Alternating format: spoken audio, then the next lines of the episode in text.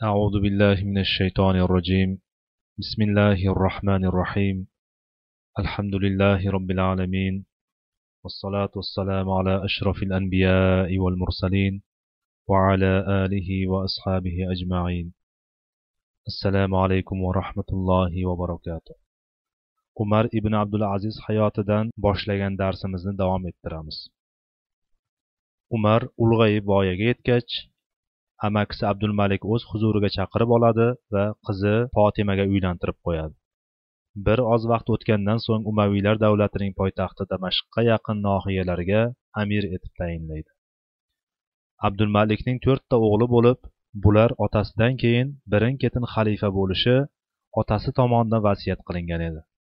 O'g'illarining kattasi valid xalifalikka o'tirgach mamlakat ichkarisida ichki nizolar avj oldi.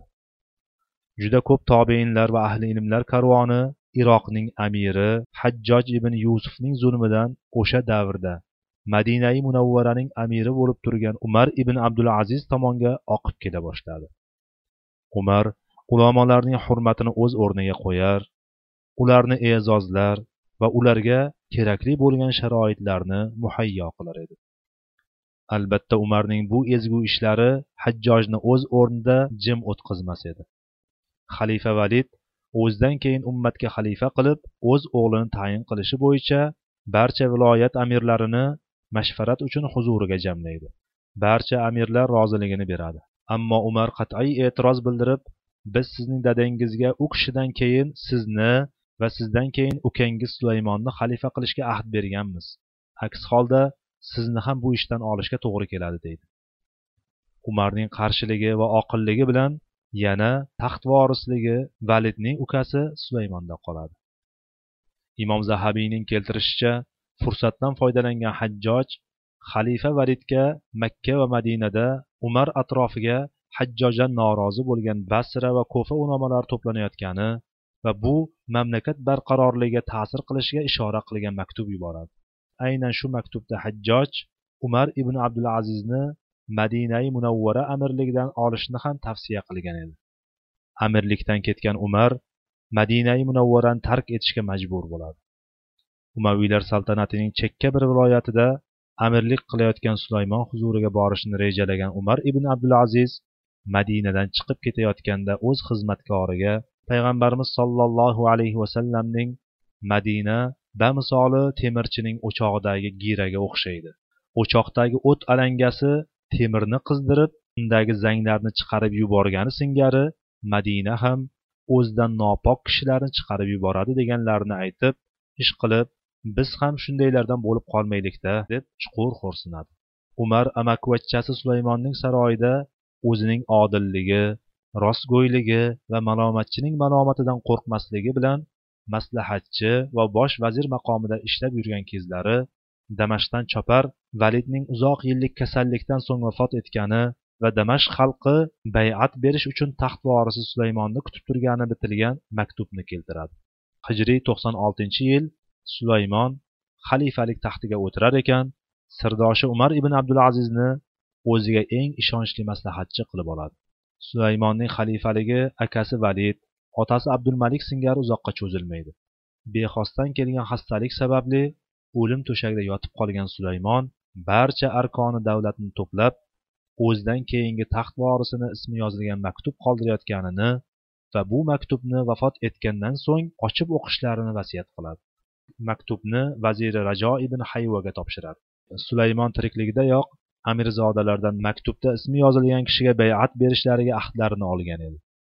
Maktubda kimning ismi bitilganini bilolmagan xalifalikka da'vogar amirzodalarning ichlari g'umurlar edi. Umar ibn abdulaziz esa rajo ibn hayvani oldiga qayta qayta borib sulaymon kimni taxt vorisi qilib qoldirganini aytishini so'rar edi. Rajodan vaqti kelganda bilasiz degan javobni eshitgan umar ish qilib mening ismimni yozib qo'ygan bo'lmasinda der edi. Sulaymon ibn abdul malikning xalifaligi ikki yilu yetti oydan oshmadi.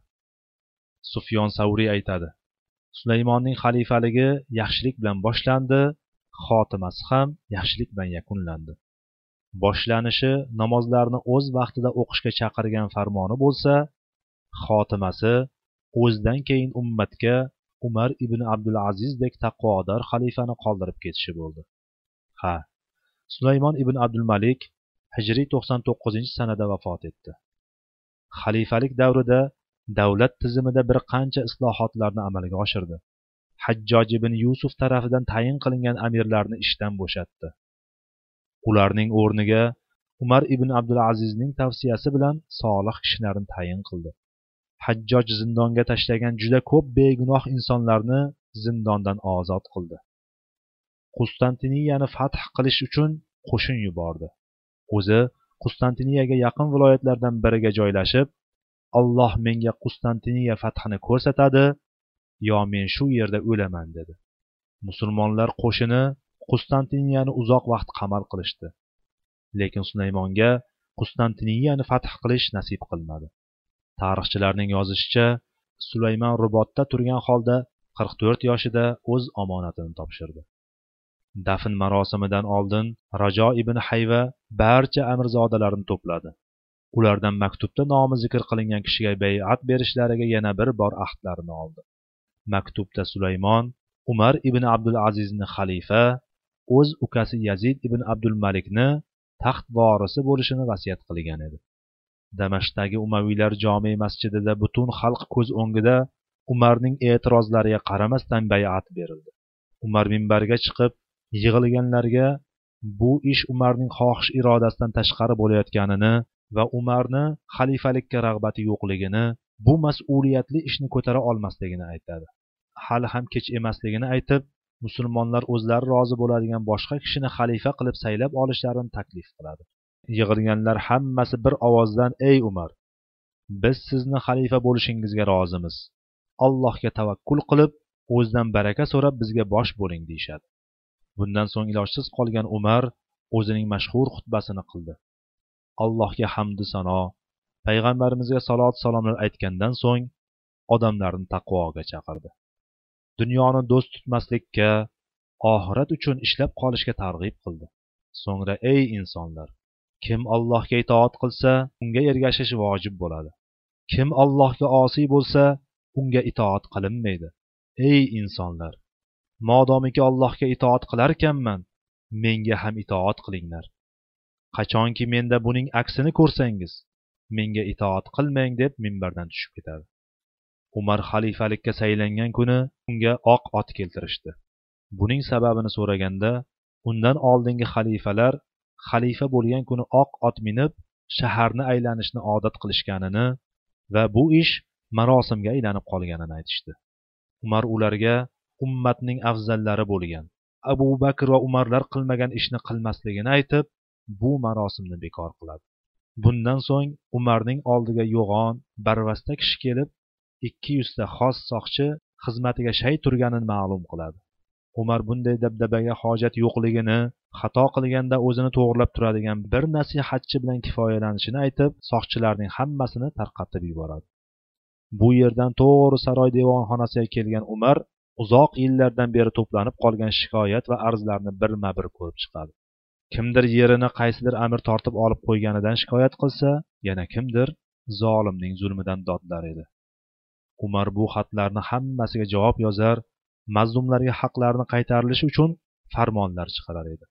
Uch kundan beri mijja qoqmasdan saroy devonxonasida ishlayotgan umar oldiga katta o'g'li abdulmalik kelib dadasiga bunday holatda tinimsiz ishlashda davom etaversa kasal bo'lib qolishini aytadi shundan so'ng umar o'g'lining qistovi bilan dam olish uchun uyiga qaytadi vallohu taala alam سبحانك اللهم وبحمدك أشهد أن لا إله إلا أنت أستغفرك وأتوب إليك